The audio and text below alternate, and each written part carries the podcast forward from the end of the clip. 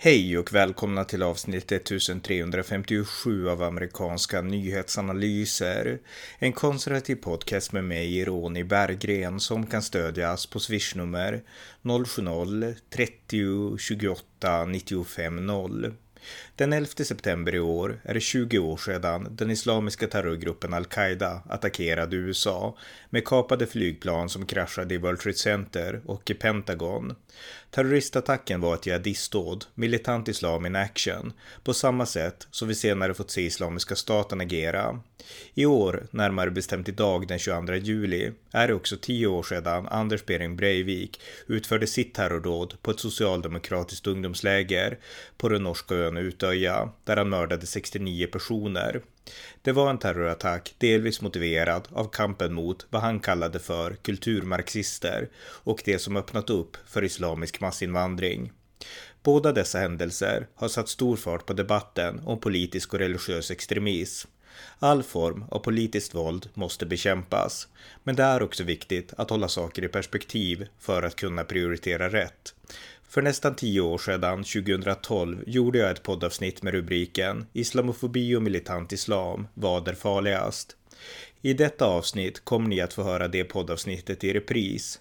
Min utgångspunkt är en intervju med religionsprofessor Mattias Gardell som vittnade på rättegången mot den norske massmördaren Anders Behring Breivik. Han berättar om hur det var att möta mördaren och argumenterar för att islamofobi är farligast och menar att det går en röd tråd av islamofobi genom västvärldens historia.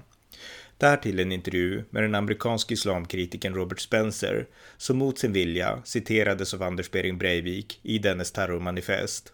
Spencer berättar hur det upplevdes att bli citerad av en massmördare och förklarar varför han anser att militant islam är farligast.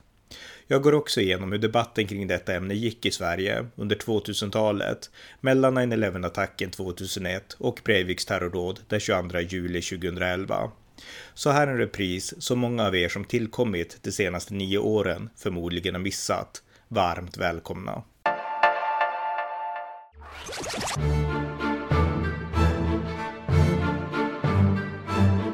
Välkomna än en gång till amerikanska nyhetsanalyser, podden som lyckas där svensk media misslyckas. Idag ska vi prata om två brännande ämnen, lika aktuella i USA som i Europa, nämligen islamofobi och militant islam, och den svenska debatten därom. Den 11 september 2001 fick världen se militant islam in action, när 19 al-Qaida-medlemmar kapade fyra civila flygplan och därefter raserade såväl World Trade Centers båda tvillingtorn i New York som USAs försvarshögkvarter Pentagon. Tio år senare, den 22 juli 2011, fick världen också bevittna hur norrmannen Anders Behring Breivik sprängde en bomb i det norska regeringskvarteret i Oslo för att sedan skjuta ihjäl en mängd socialdemokratiska ungdomar på ön Utöja på grund av att dessa enligt honom representerade en islamvänlig vänster. Båda dåden förtjänar förstås samma kategoriska fördömanden. Idag ska vi dock diskutera de religiösa och ideologiska idéerna bakom dessa händelser och vilket av dessa två ideologiska fenomen, islamofobi eller militant islam, som utgör störst hot mot våra västerländska demokratier. Jag kommer att prata om dessa ämnen var för sig. Först ett samtal om islamofobi med Mattias Gardell, professor i religionshistoria vid Uppsala universitet och en av Sveriges främsta experter på såväl modern islamofobi som samtida högerextrema rörelser och som också var inkallad som enda utländska expertvittne på rättegången i somras anmälas mot den norske mördaren Anders Behring Breivik. Därefter kommer jag prata med den konservativa amerikanska islamkritikern Robert Spencer, som driver den kritiskt islamgranskande bloggen jihadwatch.org och som här i Sverige ofta skildras som just en islamofobisk högerextremist, men som i själva verket är en konservativ amerikan. Jag som heter Ronny Berggren har följt både Gardell och Spencer i flera års tid och anser båda vara mycket kunniga inom sina respektive områden. Men jag är däremot inte neutral i den här frågan utan anser att militant islam är ett större samhällshot än islamofobin, något jag kommer att berätta mer om lite längre fram. Den här podden är också aningen längre än våra poddar brukar vara, men jag hoppas ändå att ni har orkat hänga med hela resan genom detta aktuella och mycket viktiga ämne. Nu kör vi! Efter terrorattacken den 11 september 2001 framstod det ganska snart att dådet utförts av en grupp militanta muslimer, vars ledare Usama bin Laden i ett manifest några år tidigare manat alla muslimer att döda civila och militära amerikaner varhelst de befann sig, i enlighet med hans bokstavliga tolkning av Koranens ord om att döda de otrogna.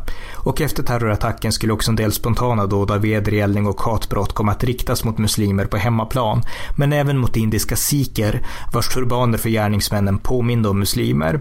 För att motverka detta gick USAs president George W. Bush snabbt ut med ett fördömande av sådana dåd och sa den 17 september i Islamic Center i Washington DC. These acts of violence against innocents violate the fundamental tenets of the Islamic faith. And it's important for my fellow Americans to understand that. USAs regering hanterade efterdyningarna av 9-11 mycket balanserat och hatbrotten mot muslimer skulle komma att begränsas, i synnerhet i jämförelse med hur situationen varit under tidigare amerikanska krig mot Tyskland och Japan, när inhemska tyskar och japaner fullt ut betraktades som landsförrädare.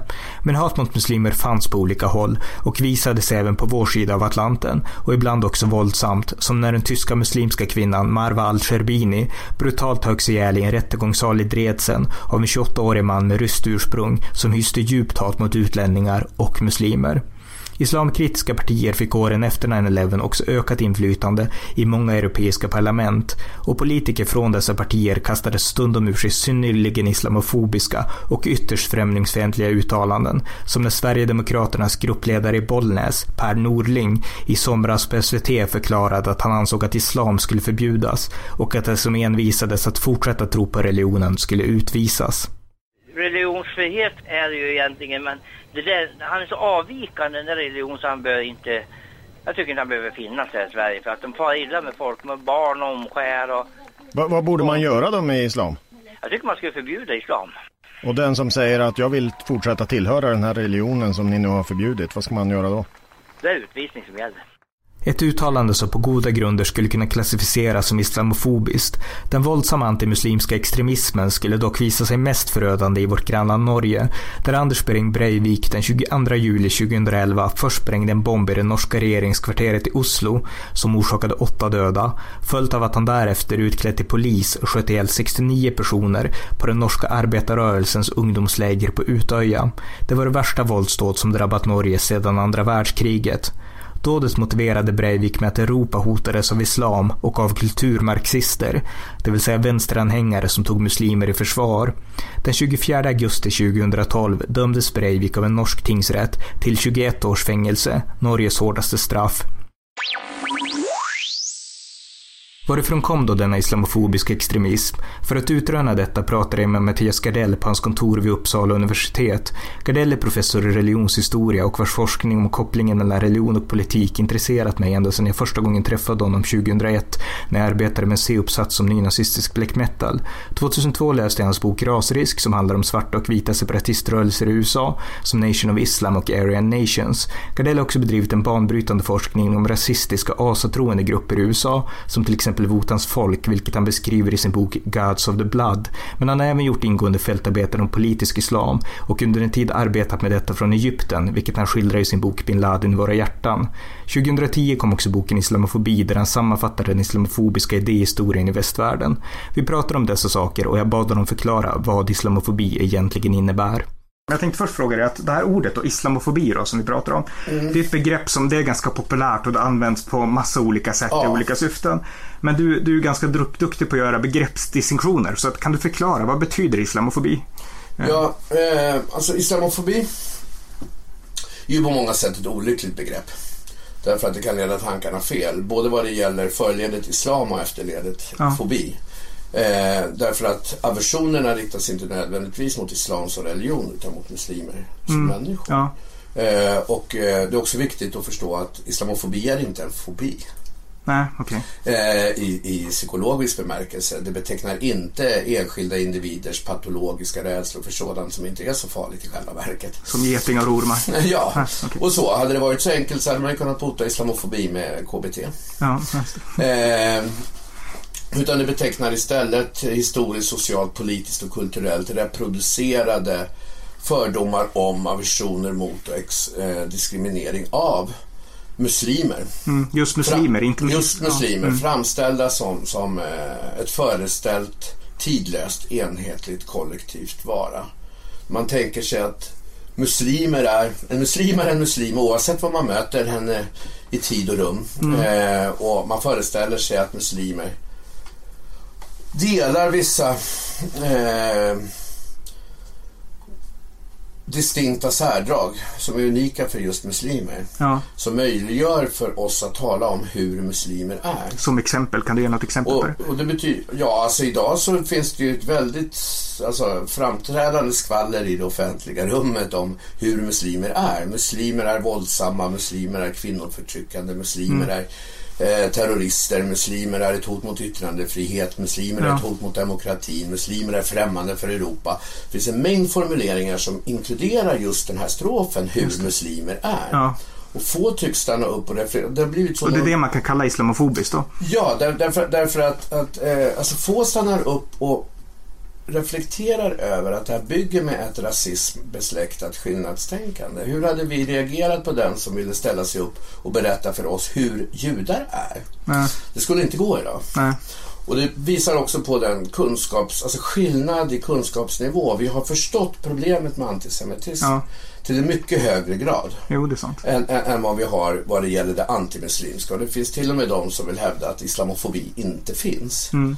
Eh, så vi befinner oss ungefär där. Och jag vill också betona att det, det, alltså att islamofobi har ingenting med islamkritik att göra. Nej, okay. Därför islamkritik kan du naturligtvis bedriva fullt legitimt. Mm. Eh, religionshistoria är ju en religionskritisk disciplin som du vet. Ja. Eh, och vill man titta på de starkaste islamkritiska miljöerna så är det ju bland muslimer själva. Mm, som försöker rensa i den mångfald av olika uttrycksformer för islam som finns. Tolkningar av enskilda ajor eller sätt att vara, ritualer, traditioner. Ja. Man försöker säga att men det här är det korrekta sättet och det där är bara kultur eller tradition som egentligen inte har med ja. den rena islam att göra. Och jag tror att det är viktigt eh, att göra den distinktionen. Du skriver ganska mycket i dina böcker om att islamofobin har gjort comeback. Och islamofobins återkomst och, och sådana saker. Och mm. du skriver i Bin Laden i våra hjärtan att Eh, att 2001 så brast fördämningarna. Skriver. Och eh, då skriver du också att ja, en del, många våldsdåd var riktade mot muslimer efter 9-11. Eh, kan du berätta lite om sådana våldsdåd och hur fördämningarna sprack lite grann? Och var det mest i mm. USA eller fanns det i Europa också, liksom våld mm, efter 9-11 mm. mot muslimer? Man kan säga så att det historiskt så har det vi kallar islamofobi mycket djupa rötter. Mm och går ända tillbaka till, till eh, medeltida kristen bestämning av muslimer som antikrists härskaror. Ja. Eller som det senare, långt senare kommer att heta hos Luther. Ja. Djävulens verktyg på jorden. Okay. Eh, och den här bilden av att muslimer är onda mm. eh, har på olika sätt återkommit. Eh, och gjorts meningsbärande i skilda historiska, politiska och sociala kontexter. Men det vill jag inte säga att det finns en enda tidlös islamofobisk tradition. Eh, som nu och då aktiveras. Eh, så enkelt är det inte. Utan historien är ju någonting som vi skapar i, den, i nutid. Ja. så att säga. Genom att vi tittar bakåt och ropar åt historien. Och, mm. eh, väljer ut vissa händelser ur denna mångfald av händelser. Så för, för, att skapa oss en, en förklaring på var vi befinner oss idag och vart vi är på väg mm. i framtiden och så. Så, så att den, den, har reaktiverats på olika sätt. Och när den så att säga om man vill titta på det rent schematiskt kan man säga att det finns en väldigt stark medeltida eh, antimuslimsk idétradition som eh, kommer att systematiseras under de första korstågen. Mm. Eh, både, både till Palestina och till på den Iberiska halvön. Mm. Men också i Tyskland. Ja. Eh, I eh, Skandinavien. I, eh, mot kättare och så här. Mm. Och, och, den, den bild som man då skapar av muslimer är ganska starkt modellerad på den bild som tidigare fanns kring judar. Mm. Eh, och sedan så kommer de här, det antimuslimska och det antisemitiska faktiskt att, att vävas ihop med varandra. För man ska också minnas att, att eh, i Europa så var judarna eh, så att säga måltavla för korstågen. Mm, jo, visst. Eh, korstågen massakrerade judar ihop med muslimer också i det heliga landet. Mm.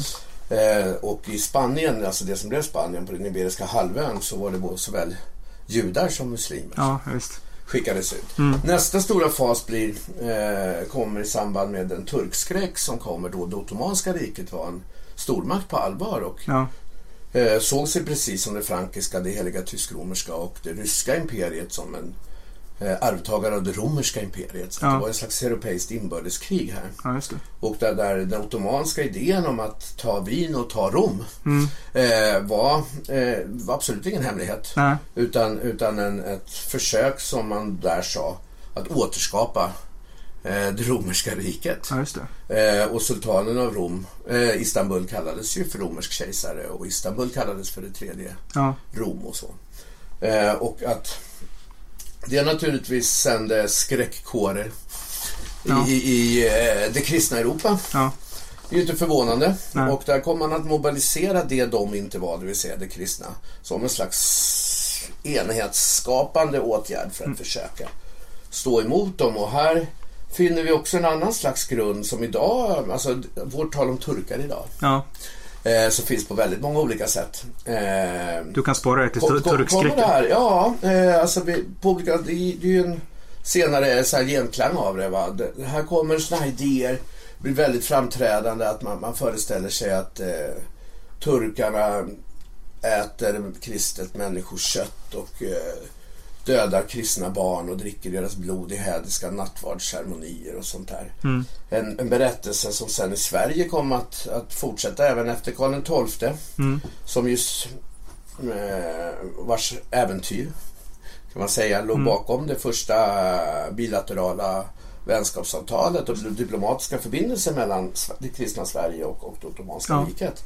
Det första diplomatiska förbindelser Sverige hade med ett icke-kristet Ja, land och det första förbindelse det ottomanska hade diplomatiskt med ett kristet Mm. rike. Men trots det så kom, alltså Karl XII var inte helt populär i, folkligt, i folkliga led. Nej. Monar- Monarkerna i Sverige har inte alltid varit det så att man började sprida föreställningen att, att eh, turkarna krävde tillbaka den skuld som Karl XII hade Jaha. eh, producerat i eh, tunnor av, av kristna lik. Mm. Som man sedan menade att, att eh, tattarna, zigenarna, stal Mm. kristna barn. Det här levde kvar ända in på 40-talet. Mm. Men om vi hoppar då tills den här moderna men, islam. oh, oh, förlåt. Ja, okej. Eh, Mm. Okej, men jag kanske skulle ha tagit det mycket kortare. ja, men det gör ingenting. Det första medeltiden, det andra är det, det, det Mm. tidigmoderna. Ja, Som kommer med det osmanska och där man också bär upp sen idéer som, som föds fram i det tidigmoderna Spanien Mm. med, blodsrenhet, limpieza Ja. sangre och alltihopa det här. Så att Spanien blir den första moderna rasstaten egentligen. Mm. Den här idén om att eh, blod, nation och territorium hör ihop kom sen att bli vägledande för den västfaliska freden. Mm. Som ju inte alls grundlade någon slags sekulär era av fredlig samexistens utan istället grundlade en idé om, om absolutistiska monark, eh, monarkier. Där, där prinsens religion också skulle vara undersåtarnas religion och så blev det också i Sverige. Den sedan över i den europeiska eh, expansionen och, och den orientalistiska kunskapsdisciplinens framställning av orienten, muslimer, islam, judar, eh, assyrier. Mm. Eh, som, som ett från den, den västerländska eh, människan, det vill säga den universella människan, artskild sort. Eh, och sedan, sedan så bärs det där fram ända till efter, kalla, efter andra världskriget när, när eh, kolonialmakterna börjar rulla tillbaka och nya självständiga muslimska stater träder in på den västerländska arenan och hamnar i en kalla krigskontext där man är tvungen att välja sida mellan kommunismen och Förenta Staterna. Den av Förenta Staterna ledda, ledda fria världen. Och det här gjorde att man från västeuropeiskt och amerikanskt håll fick intresse av att försöka sluta allianser med, med antikommunistiska, ofta djupt konservativa regeringar eller rörelser i den muslimska delen av världen. Mm. Eh, och under den här tiden så hamnar det antimuslimska tänkandet, det islamofobiska tänkandet något i skymundan. Och det blir möjligt för Ronald Reagan att ta emot talibanerna som ja, eh, frihetskämpar och Rambo 3 Ja, skildrar talibanerna på det mest romantiska vis som Ja. vad en amerikansk Hollywoodfilm klarar av att göra. Så här. Mm. Eh, och vad som sen sker och det som ligger, så att säga, när, när den, den, det vi egentligen kallar islamofobi, det som finns idag, det kommer i samband med att, att eh, kalla kriget upphör. Efter Gardells beskrivning av västvärldens långa tradition av negativt och fientligt tänkande kring muslimer fortsätter vi samtalet och jag kom in på den nutida islamofobin och den så kallade kontra-jihad-rörelsen som växt till i både Europa och USA och som förkunnar farorna med islam och muslimers utbredning i väst. Det finns en rörelse som kallas kontra-jihad-rörelsen och den har växt fram i ja, 20 år eller något sånt där, tror jag. Mm. Något sånt. Eh, vad är den för någonting? Och eh, hur, om du liksom, utan att backa för långt, hur, vart, i vilket sammanhang uppkom den? Ja, alltså själva benämningen vann väl inte insteg förrän tidigt 2000-tal. Okej. Är efter, efter 9-11. där. Mm. Eh, och här föreställer man sig, alltså det är egentligen en, en miljö som tänker sig att vi befinner oss i inledningen av det fjärde världskriget. Denna gång mellan islam och väst. Okej.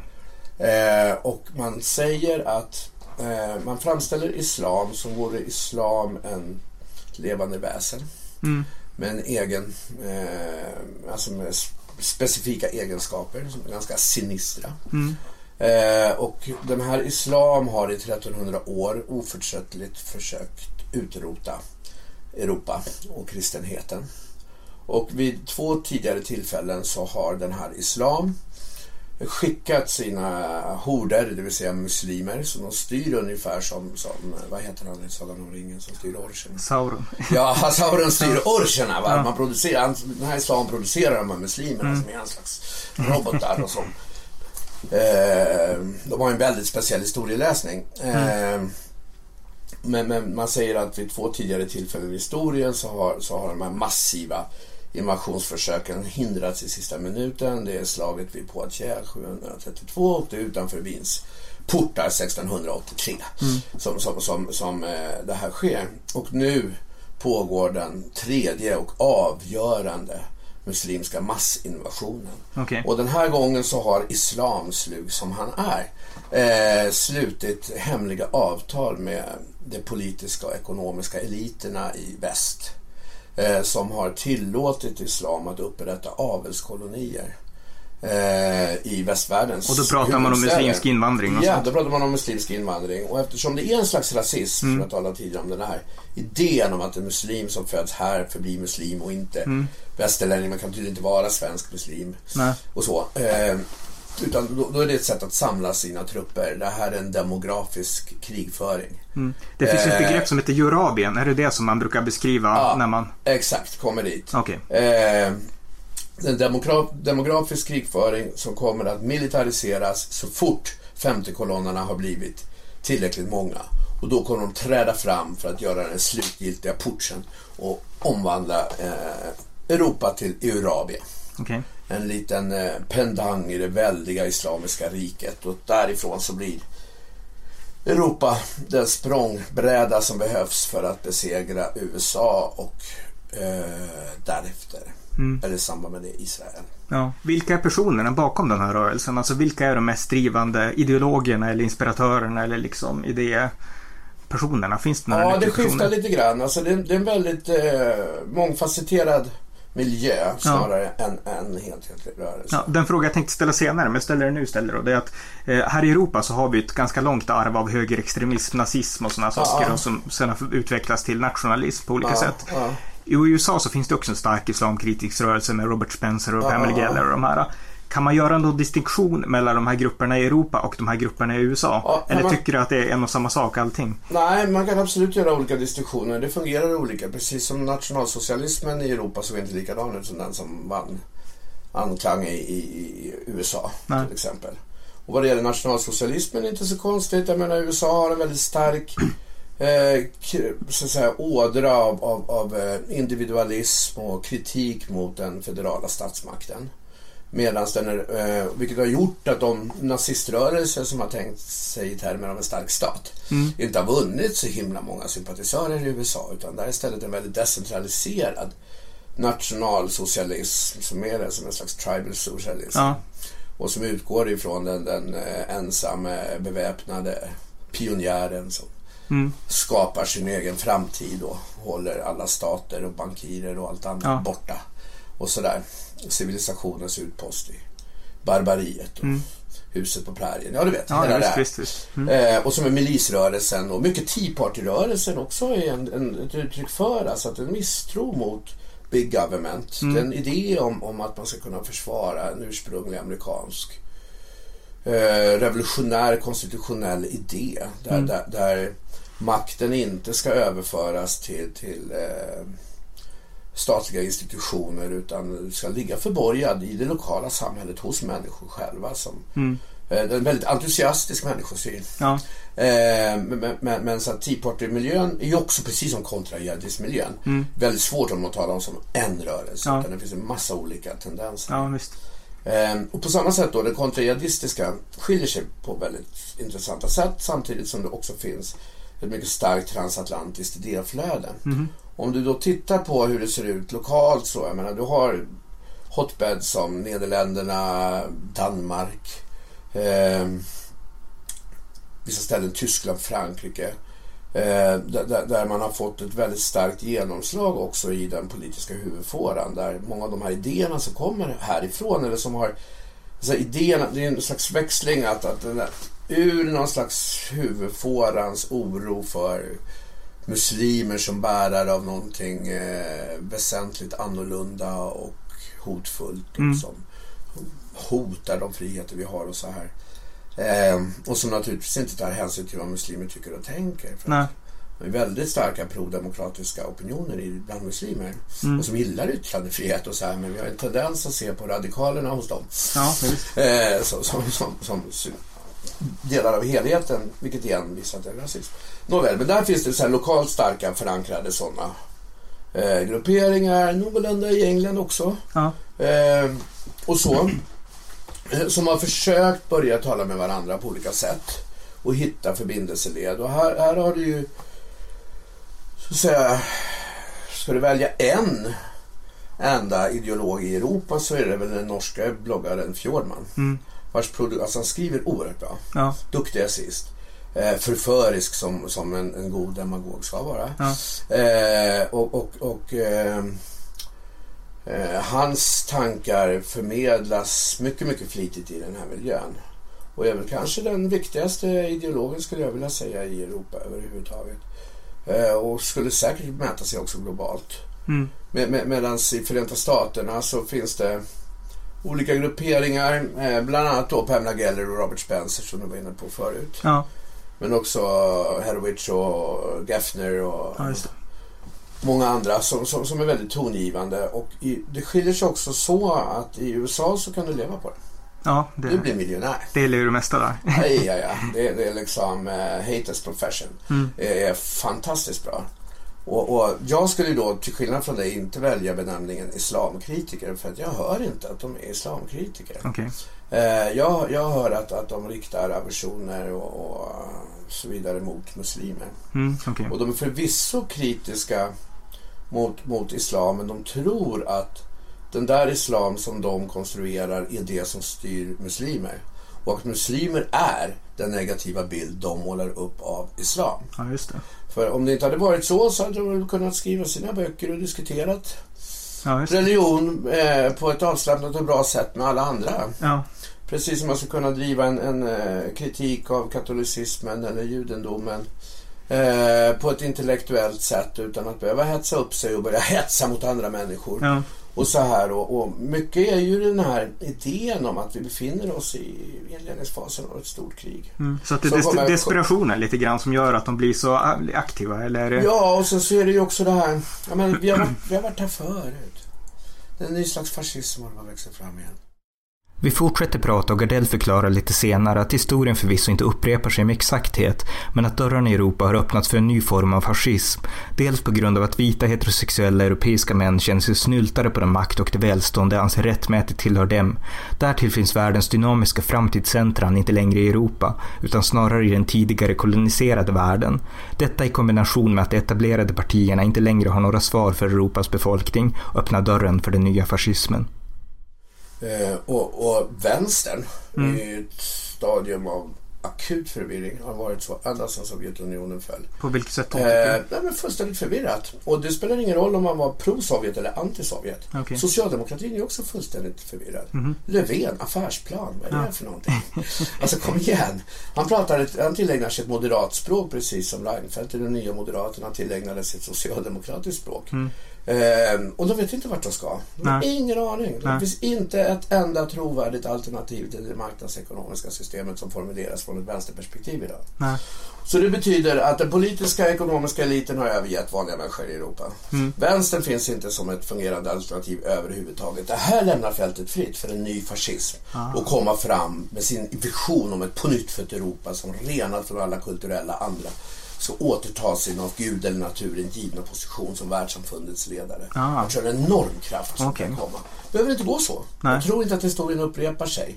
Utan det här är ju en slags användning av historien som, som metafor. Mm. För att försöka få... Alltså Men- men det finns tydliga paralleller. på krafter. Va? Ja, det är, det är paralleller men, men historien upprepar sig inte Nej.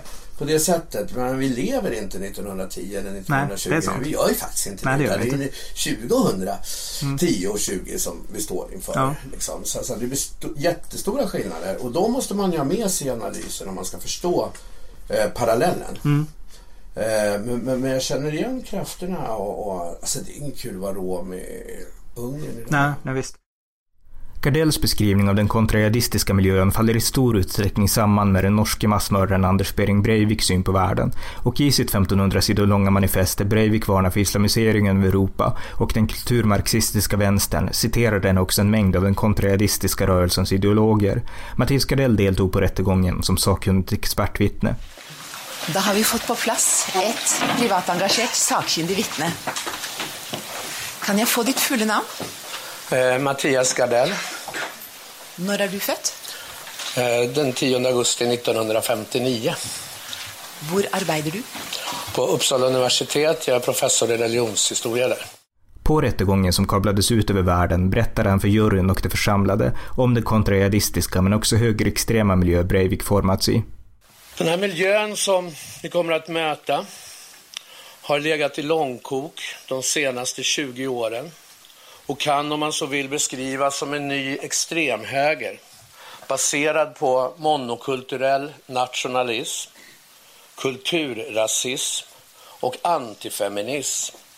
Och den har vunnit insteg i regionala och nationella parlament genom stora delar av Europa sedan de mer eller mindre systematiskt och framgångsrikt har försökt ersätta den tidigare antisemitiska dagordningen mot en idag mer solvent antimuslimsk.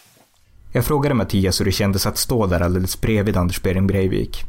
Du vittnade på Breivik-rättegången och eh, om du kort berättar lite grann om hur kändes det att stå inför en person som ändå är en massmördare? Kan man liksom, upplevde du speciellt hade du någon speciell känsla när du stod där och vittnade? Liksom, när du, Ja, alltså, I närheten ju- av honom? Jag var ju väldigt tagen av stundens allvar och det ansvar som hade ålagts mig Mm. som en av de få sakkunniga på den politiska filosofi som Ja, Breivik på flera sätt ger uttryck för i det kompendium som, som den 22 juli var avsedd att marknadsföra. ja, Och som, som de som både åklagare och andra inte riktigt hade läst och förstått. Eller så. Ehm, och jag visste ju att, att Norge går igenom ett slags trauma. mm, Det var väldigt lätt att se när man gick runt i Oslo de där dagarna att väldigt många människor hade en personlig relation till Utøya. ja, Kände någon, en arbetskompis, en, en eh, klasskompis, en, en eh, släkting Ja. eller, om det var, eller ens egna barn som hade mördats. Och, så här, så. och Norge var ju, jag menar Norge har ju inte upplevt något liknande sedan andra världskrigets slut. nej, Eh, så att de var tvungna att uppfinna vägen medan de gick. ja, just det. Och jag tycker ändå att de, de med vissa snubblingar klarade sig förvånansvärt bra att, att eh, försvara liberal demokratisk ordning med liberal demokratiska Ja, eh, metoder. För att återgå då till din fråga hur det kändes. Mm. Så att, ja, med stort all, all, ansvar. Så att jag la ju fram, jag hade skrivit en sakkunnig rapport. Jag Mm. helt enkelt hade gått igenom kompendiet. ja, Eh, och visat, eh, de flesta texter har han inte skrivit själva, han har plockat det från annat håll, ett kompilat, ett kompendium. Mhm. Så jag visade bara eh, på, på varifrån han har hämtat de här olika texterna, vilka som är hans influenser. Mm. Och hur han har satt samman det. Eh, sammansättningen är naturligtvis hans egen. Mm. Men det motsvarar också en tendens inom den här brokiga miljön. Okej. Eh, och och eh, den kokar ner till en, alltså när jag, när jag sen gjorde en slags sammanfattning, va, jag tittade på så att säga de tre huvudtraditioner som man plockar material från är ju den islamofobiska, Mm. Den kulturkonservativt nationalistiska eh, och den antifeministiska. Ja. Och sen så har han med sig väsentliga element från vit makt miljöns traditioner. Ja. Eh, från eh, evangelikal högerkristen teologi, Joseph Francis Farah. Och Ja, här som du säkert känner till, Ja. Tea Party Manifesto, författaren. Eh, och sen så vår anrika eh, tempelriddartradition. Mm. Eh, och sedan så kombinerar han på det här sättet och det kokar egentligen ner till ett slags nationalistisk uppgörelse. Revolutionär nationalistisk uppgörelse med idén om, om eh, människans mångfald och eh, som någonting som är oundvikligt och ska bejakas och med idén eh, om, om alla människors lika värde till Mm. förmån för en samhällsfunktion som Breivik föreställer sig är en reflektion av naturen Mm. i vilken stark styr över svag och man över kvinna och vit Ja. över svart. Jo. Eh, rik över fattig och sådär. Och vi känner igen den, den är inte ny. Nej. Vi kallar den fascism. Mm. Eh, och, och när jag kom, kom dit så nickade han. Okej. Igenkännande precis så, äntligen. Någon som har förstått. Här. Jaha, ja, menar, vi har ju något så ovanligt Kände han en bekräftelse när, när Nej, du liksom men, kunde nej, Jag hade redogöra? förstått Ja. det liksom. Ja. Och, och, och jag menar, vi har ju något så ovanligt som en politiskt motiverad massmördare som försöker förklara sig ett över 1500 sidor långt text. Ja. Och sen förstår folk inte eller Nej. orkar inte läsa. Och så de kom du där och lyckades mamma. förklara liksom vad, han, vad han tänkte på ett enklare Ja, sätt. och sen så var det ju så märkligt det här att, att eh, Sen så fick ju han kommentera mig precis som han kommenterade de andra. Okej. Eh, och då så, ja, så var det väl det där att han, han, han tyckte bara att han hade inga kritiska invändningar mot det att säga. Nej, okej. Eh, han vet ju själv vad han är influerad av. Mm. Så det var liksom, ja, så är det. Eh, eh, men han ville lägg, göra ett tillägg Jaha. som han tyckte saknades hos mig. Och det var en redogörelse för den högerextrema våldsredaktionen som fanns i Norge. Okej. Han ville säga att det inte är sant att det inte har funnits en Nähä. revolutionärt nationalistiskt motstånd. Okej. Eh, Quisling Mm. avrättades. Ja. Och sen så gör han en lång lista på eh, över 40-tal attentat, 7-8 mord, Mm. eh, brandbomber och sådär riktade mot invandrare, mot muslimer, mot vänster, Ja. aktivister, första maj-tåg och Mm. blitz. Det var alltså min intervju med Mattias Gardell. I Sverige finns många religionshistoriker, men vad som skiljer Mattias Gardell från de flesta av dessa är att han i stor utsträckning gör mycket ingående fältarbeten och bryter mark på okända områden som för många forskare med stor sannolikhet är sig alltför extrema för att de själva på nära håll skulle vilja studera området. Mattias Gardell har emellertid under hela sin karriär tagit sig an sådana ämnen, vilket är något jag alltid har gillat med honom. Men jag delar inte Mattias Gardells politiska åsikter och anser att många av de slutsatser han drar om islamofobi och kontrajihadism är enkelspåriga och felaktiga. En kritik som också måste lyftas fram för att bilden av dessa ämnen ska bli nyanserad. I sina beskrivningar av islamofobins långa historia visar Gardell bara den ena sidan av myntet, medan han ignorerar den andra sidan av militant islam. I min intervju berättade Gardell hur kristna på medeltiden betraktade muslimer som antikristhärskaror, men förklarade inte hur denna föreställning uppkom. I sin bok The Heirs of the Prophet Muhammed från 2006 beskriver däremot historikern Barnaby Rogerson hur Jerusalem år 637 intogs av de erövrande muslimska härarna. Islams rättledde kalif Omar red sedan in i staden på en vit kamel och Jerusalems kristen patriark Sofrinius fick finna sig i att ge stadens nya härskare en guidad rundtur. När det kom till ruinen av Salomos tempel viskade Sofrinius enligt berättelsen till en medhjälpare att den muslimske kalifen var personifieringen av antikrist. Idén uppkom således inte i ett fördomsfullt vakuum utan under specifika historiska förhållanden, i detta fall i ett konkret möte med islamisk imperialism. Här och nu anser jag också att Gardell i många avseenden ignorerar eller avfärdar de incidenter av våldsdåd som inträffat, där våldet motiverats med någon form av islamiska grunder. Ett sådant exempel återfinns i hans bok Bin Laden i våra hjärtan, där han i ett stycke kommenterar den tragiska händelse som utspelades i Uppsala 2002, när den unga kvinnan Fadime Sahindal mördades av sin muslimske kurdiske far, vilket sedan blev ett av Sveriges mest omdebatterade hedersmord. Om detta skriver Gardell. I den inflammerade hedersmordsdebatt som följde sedan Fadime Sahindal mördats av sin far i januari 2002 bortsåg många observatörer omedelbart från alla andra orsaksförklaringar till förmån för det faktum att fadern var kurd och muslim, som om det i sig kunde förklara händelsen. Men när en svensk protestantisk mor slog ihjäl sina barn och placerade dem i frysboxen, vilket inträffade i Gustavsberg utanför Stockholm en tid efter Fadime-mordet, sökte ingen förklara morden med att förövaren var en etnisk svensk och medlem i Svenska statskyrkan. Problemet med denna framställning är emellertid att kvinnan i Gustavsberg knappast motiverade barnamordet, vare sig med hjälp av Bibeln eller Luthers lilla katekes, medan gärningsmännen i fall av hedersmord däremot väldigt ofta legitimerar sina handlingar med hjälp av sin religiösa tro. Det betyder inte att du har rätt eller att islam är på det sättet, men sådana gärningsmän använder likväl sin religion som motiv för våld, en viktig skillnad Gardell inte nämner. En annan brist i Gardells resonemang är hans oftast onyanserade beskrivningar av USAs konservativa islamkritiska rörelse.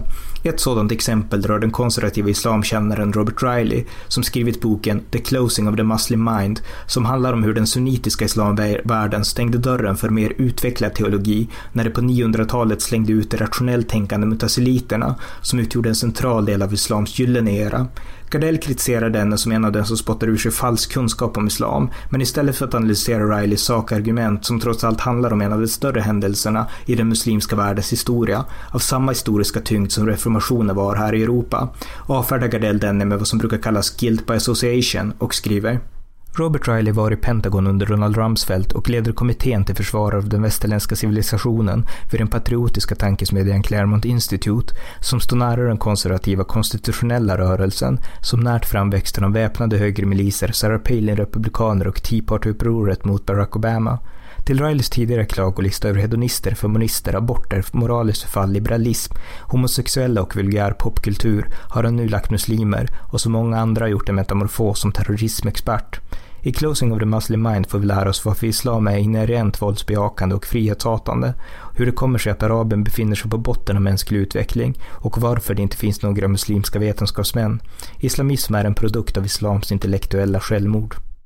I mitt samtal med Gardell tog jag upp detta stycke och bad om en kommentar. Det är en beskrivning av den här personen som är väldigt negativ och eh, du beskriver honom på ett negativt... Ja, det är som... Eller som det är, är, kanske. Är den osaklig? Jag tycker att den är osaklig. På vilket och, sätt? Ja, jag vill, kom, jag vill komma Ja. in till varför. Jag har ju läst delar av den här boken, inte allt. Eh, Men av delarna jag har läst så är den väldigt, alltså han gör, han är en av de här personerna, alla lyckas inte, men han lyckas hyfsat bra tycker jag, med att göra just en viktig distinktion mellan sin syn på islam och sin syn på liksom muslimer. Och i, när han pratar om det här intellektuella förfallet då, så, så pratar han egentligen om, det är egentligen en historiebok som handlar om mutasiliterna och kampen om det här intellektuella varvet på 900-talet.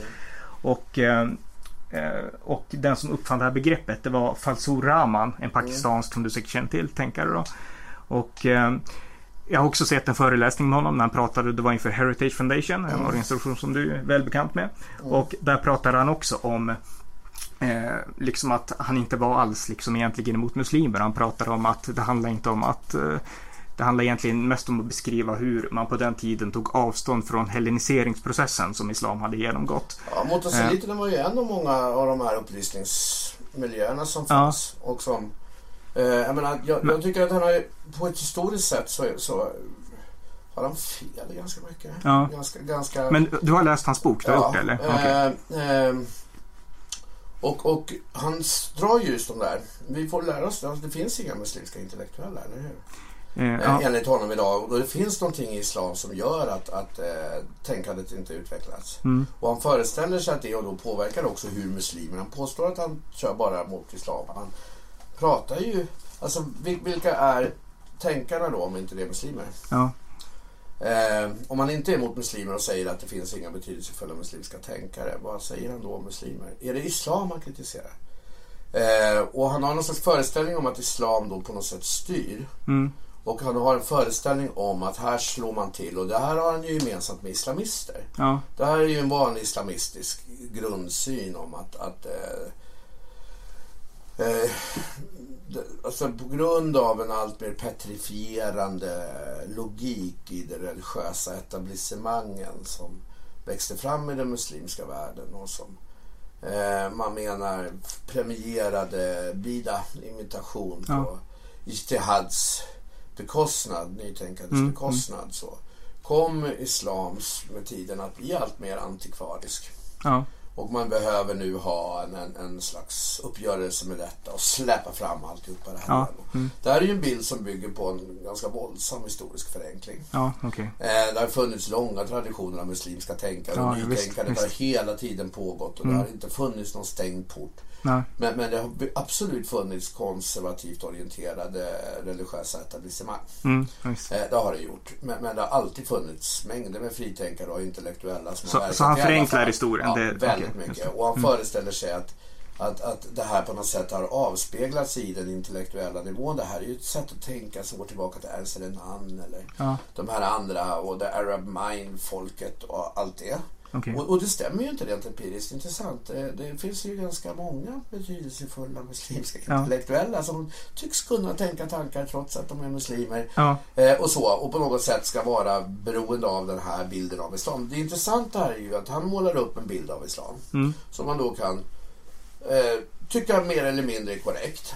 Men sen gör han just den här kopplingen. Han föreställer sig att muslimer världen över mm oberoende av tid och rum ja. På något sätt ska styras av den här bilden av islam som han har konstruerat. Ja. Mm. Varför tänker han att det går till på det viset?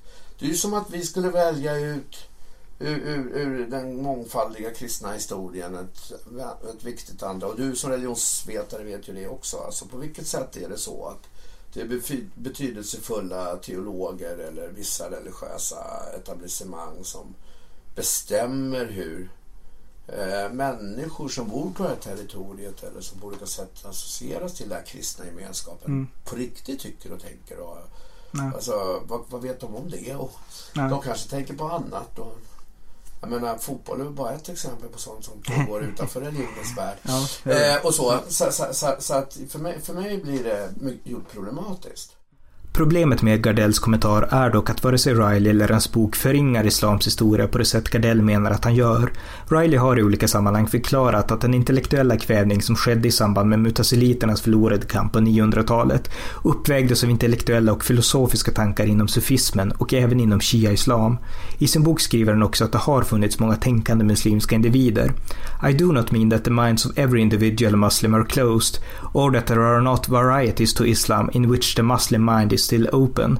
I do mean, however, that a large portion of mainstream Sunni Islam, the majority expression of the faith, has shut the door to reality in a profound way.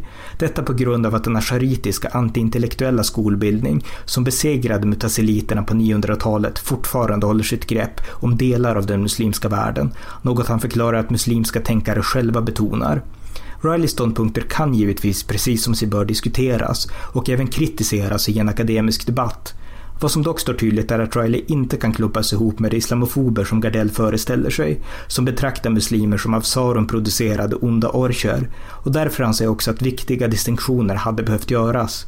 Några sådana gör dock inte Gardell, som i min intervju förklarade att han till skillnad från mig inte skulle använda den rumsrena beteckningen islamkritiker för att beskriva de konservativa amerikaner som kritiserar islam, eftersom vad han hör är hat. Jag är av en annan uppfattning och på den föreläsning som hölls vid Heritage Foundation 2010 som jag nämner i intervjun säger Riley bland annat så här. I also want to make very clear to you that I, I don't come here today to bash Muslims or show any disrespect toward them.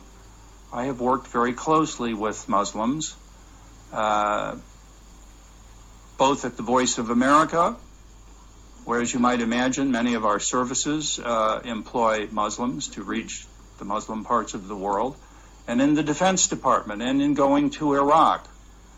And um, I was able to witness very closely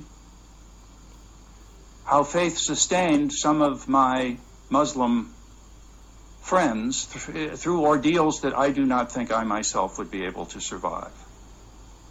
So I grew to respect what was so clearly the presence of God operating in their lives, sustaining them through horrors that I, I couldn't imagine enduring. So I would like to make that clear. Uh, the book is dedicated in the following way to the courageous men and women throughout the Islamic world, here nameless for reasons of their own security, who are struggling for a reopening of the Muslim mind. Vid ett annat tillfälle i en intervju på den katolska radiostationen Catholic Answers sa Riley så här på en lyssnarfråga om det fanns något gott inom islam. Uh, modification of your question, are there good things in, in Islam? Um, there are. Uh, there's the command of charity. Uh, Muhammad put an end to infanticide in Arabia.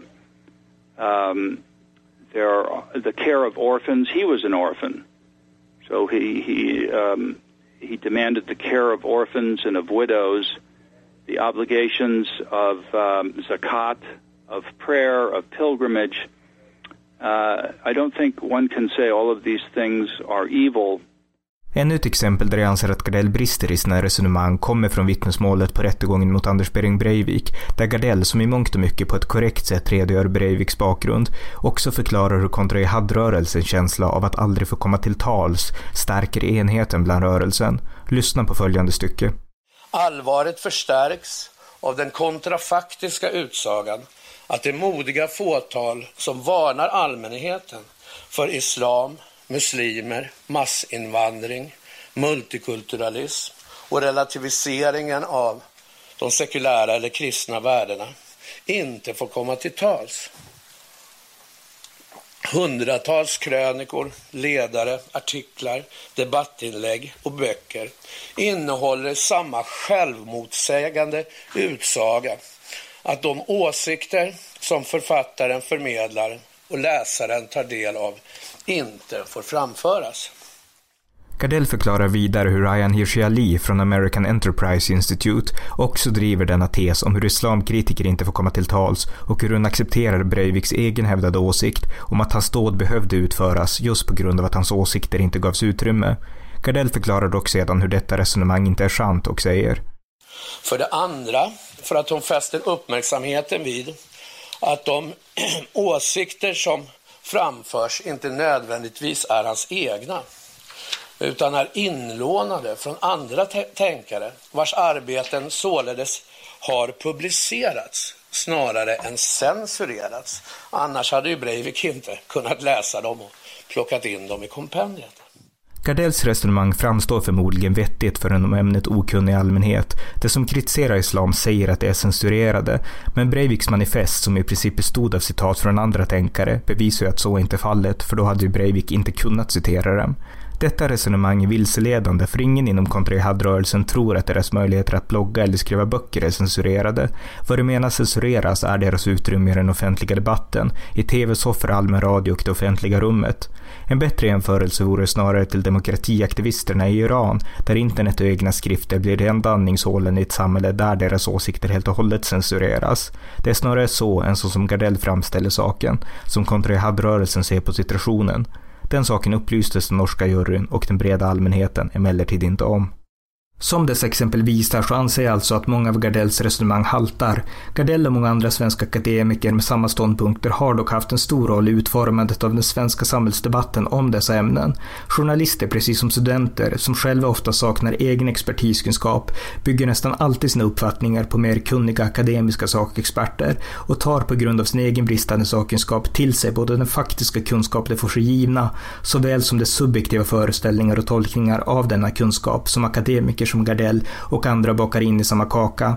Något som återkommande visat sig i hela den breda svenska samhällsdebatten ända sedan den 11 september 2001, när debatten i Sverige drivits främst av en stor rädsla för islamofobi snarare än för militant islam. En debatt jag med stort intresse följt under alla dessa år och här tänkte ge en kort tillbakablick på. Direkt efter terrorattacken den 11 september 2001 började en viktig diskussion i USA och Europa om vikten av att inte skuldbelägga muslimer i allmänhet. Den viktigaste rösten av dessa var som tidigare nämndes president Bush, som bara dagar efter rådet uppträdde på Islamic Center i Washington DC och där fördömde etniska och religiöst motiverade vedergällningar och deklarerade att islam var fred. Och religionshistorikern Karen Armstrong skrev i sin bok Islam det antogs allmänt efter 9-11 att det fanns något inom islam som gjorde muslimer grymma och våldsbenägna och medierna drogs inte för att ge ytterligare näring åt det antagandet. När president George W. Bush insåg faran med en sådan hållning gick han snabbt ut och sade att islam var en stor och fredlig religion och att bin Laden och kaparna inte fick ses som typiska företrädare för den islamiska tron. Han var noga med att ha en muslim bredvid sig under sorgceremonin i Washington National Cathedral och han besökte moskéer för att visa sitt stöd för USAs muslimer. Detta var något alldeles nytt och mycket välkommen vändning. Inget liknande hade skett i samband med Salman Rushdie-krisen eller Operation Ökenstorm mot Saddam Hussein. Viktigt och sunt för att inte falla i en fälla av kollektiv skuldbeläggning vi människor ofta har så lätt för. Här i Sverige fick debatten dock lika snabbt en mer ohälsosam fixering, där man var snabba med att betona att kollektiv skuld var precis vad USA sysslade med. Den 13 september 2001, två dagar efter attacken, lät det så här på SVTs program Mosaik. Jag tycker det är hemskt så som Bush talar om, om blodshämnd. Ingen ställer sig frågan om varför har det här skett? Det finns ju så mycket hat ute i världen. Mm. Det är så många som är marginaliserade, förtryckta, har liksom ingen makt. Det är därför detta har skett. Jag önskar att man i större utsträckning kunde diskutera varför har det här skett istället för att hitta den här klara fienden. Är det möjligt för oss och, och, och, är det möjligt för Bush att komma till en punkt där han kan säga nu släpper vi hem dem och nu försöker vi, nu försöker vi lista ut. Nej, någon annan president i samma program sa också Kurdubaxi. Jag känner liksom luften eller doften eh, av en islamofobi som växer sedan igår runt om världen. Under åren som följde skulle denna föreställning om amerikansk islamofobi repetitivt hamras in i svensk media och svenska experter gjorde ständigt vad de kunde för att lyfta fram islam i god dager och påminna om kristendomens, kolonialismens, kapitalismens och västvärldens imperialistiska historia för att på så sätt balansera vad man förmodade var obalanserade och kollektivt skuldbeläggande föreställningar av islam. På P1s filosofiska rummet 2007 hamnade Sveriges idag främste islamolog Jan Järpe i en diskussion om varför Mohammed var så våldsam och sa då följande. Jag bara tänker att han ska ena sidan vara den ödmjuke, eh, andlige eh, ledaren och sen så hetsar sina soldater eller anhängare att gå till angrepp som rasande kamelhingstar. Jag menar, det kan han ju inte ha gjort med en slags andlig förkunnelse. Ja, jag, associ jag associerar naturligtvis till påven Urban den andres korstågspredikan 1098. det, där har vi verkligen det religiösa språket som är, är militant. Och på SVTs program Debatt i december 2009 sa Fatima Durbakel följande.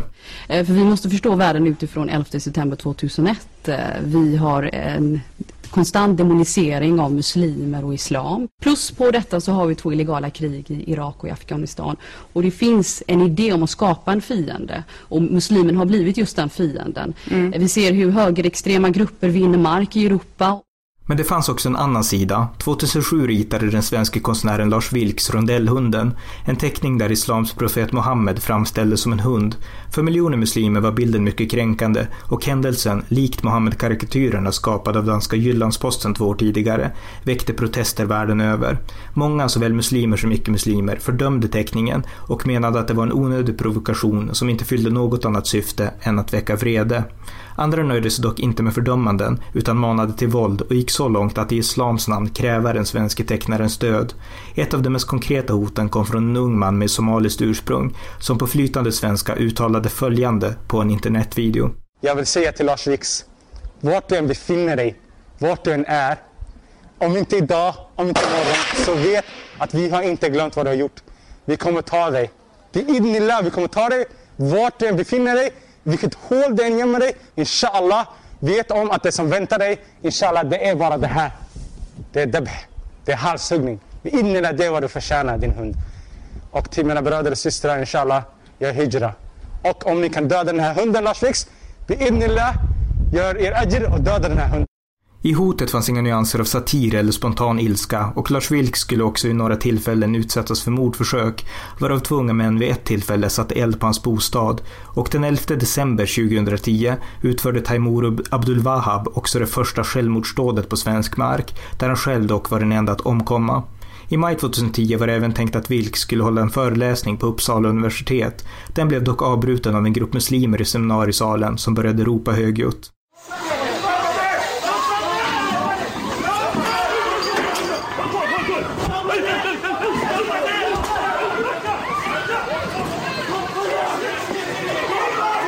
Wilks fördes därifrån och lite senare meddelades att föreläsningen skulle ställas in. På grund av säkerhetsskäl så blir det ingenting.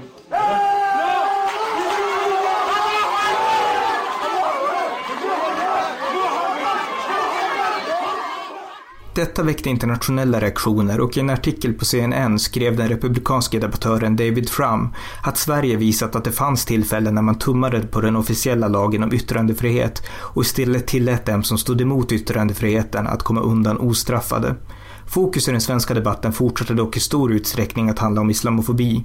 På Betnér Direkt i våras samtalade Magnus Betnér med bland annat Sverigedemokraternas Jimmy Åkesson om somliga muslimers önskan om könssegregerade badhus. Det lät så här. Eh, man på olika håll i landet faktiskt väljer att anpassa sig. Just Vadå, att barn, när, inte, när att om... barn inte vill simma med, med andra det barn, är, det är ett problem? Det är en principiellt viktig diskussion, ja. Det är en principiellt viktig sak att, vi har, att man nu på vissa håll i landet har olika öppettider i badhus för män och kvinnor därför att det finns sådana krav från den muslimska Det är en gammal fin svensk tradition. Så var det ju i Vingåker när jag växte upp där. Då var det ju olika tider för män och kvinnor. Det är möjligt det att måste det, väl du gilla? Det, det kan mycket väl vara så att det finns gamla traditioner även i det svenska samhället men som vi har blivit av med och nu får vi hit då ett antal sådana värderingar igen. Jag tycker att det är ett allvarligt hot mot det svenska samhället. Det finns också mer... Som dessa axplock av klipp visar så har den offentliga mediedebatten om detta ämne en tydlig slagsida av rädsla.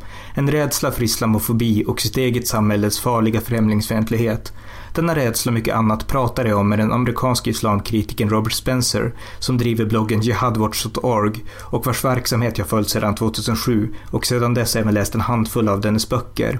Robert Spencer är amerikansk konservativ men beskrivs i svensk media uteslutande som en hatviglande högermilitant extremist. Spencer blev känd i Sverige dels efter att han 2010 bjöds in till Almedalsveckan av Sverigedemokraterna. I höstas hölls han också i sällskap med sin islamkritiska kollega Pamela Geller en kontra-jihad-demonstration på Bantorget i Stockholm där mellan 100 och 200 personer från olika delar av världen medverkade för att demonstrera mot vad man betecknade som det globala jihad. Robert Spencer sa bland annat We are fighting for the equality of rights of all people before the law against an entrenched legal system that systematically denies equality of rights to women and equality of rights to non Muslims. We are fighting for a society in which everyone can have a place as long as everyone respects the rules of the society in which they're in and does not try to bring in this radically intolerant system that is trying to impose itself upon us. Tolerance of the intolerant is suicide. På plats fanns även svenska motdemonstranter och en reporter från Aftonbladet intervjuade en av dessa som representerade gruppen Stoppa nazismen. Eh, de, här grupperingarna nu, det är en hel rörelse, Counter Jihad, med massa förgreningar och olika eh, grupperingar och enskilda bloggar också. Eh, vad tänker du om det? Jag tycker det är fruktansvärt. Alltså, eh, rädslan för islam har gått över till att man är rädd för allt vad muslimer heter oavsett om de är troende eller ej och man pratar om att de ska ta över världen och det finns det är en skräckpropaganda som liknar den Nazityskland använder mot judarna väldigt mycket. Man har olika hatobjekt olika tidsepoker och just nu är det muslimer man är ute efter. Och det är fruktansvärt att använda det som argument till en, en eh, icke-demokratisk och våldsbejakande eh, ideologi. I tidningar beskrevs Spencer och demonstrationen som högerextrem och svenska tyckare var snabba med att påpeka hur ofta Spencer citerats i Anders Behring Breiviks manifest. Men Spencer och Pamela Geller skulle få ännu större uppmärksamhet när de den 11 september höll en konferens i New York vid namn Stop Islamization of Nations, dit bland annat vår svenske Lars Vilks bjudits in, som åkte dit i sällskap med Janne Josefsson för SVTs Uppdrag granskning. Uppdrag granskning ikväll konstnären Lars Vilks på den antimuslimska konferensen i New York. Konferensen beskrevs överlag som en samling paranoida tokstollar och Janne Josefsson konfronterade bland annat Pamela Geller över en man som beskrivit muslimer som råttor, ett uttryck hon tydligt tog avstånd från. Detta var dock likväl bilden som hängde kvar bland svenska journalister. I en debatt anordnad av Publicistklubben på Kulturhuset i oktober, där bland annat Lars Vilks deltog, sa Aftonbladets kulturchef Åsa Linderborg följande om hans medverkan på Sionkonferensen i en diskussion om saken med konstnären Marianne Lindeberg som konstnär, som lånar, du, du lånar ju ut ditt mm. namn till, ett, till en konferens som har en agenda som, som säger att muslimer är, är råttor. Alltså det, det, är det är faktiskt en väldigt stor skillnad på att vara journalist och konstnär. Det tycker jag nog att du ska vara ganska noga med. Ja, men, ja, men nu gjorde du en sån där ful liksom... dragning, Åsa, igen. Alltså jag är så trött på de här dragningarna som säger, och så är det någon som har sagt något om, om råttor.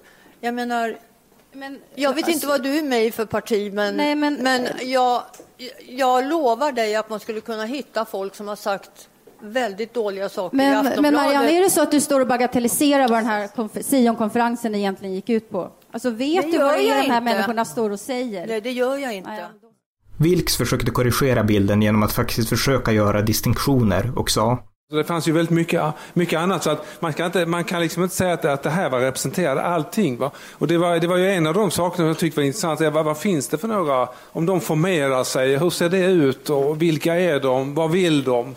Alltså det här är väldigt enkelt. Ja, de kallar allting för, de kallar muslim för råttor, alltså är de sådana allihopa? Alltså jag tror inte man, man gör en bra analys om man nöjer sig med det. Va? Och Mohammed Farslashemi, professor i idéhistoria vid Umeå universitet, sa så sent som den 19 november följande i en kulturdokumentär på P1 om Lars Vilks medverkan på Sionkonferensen.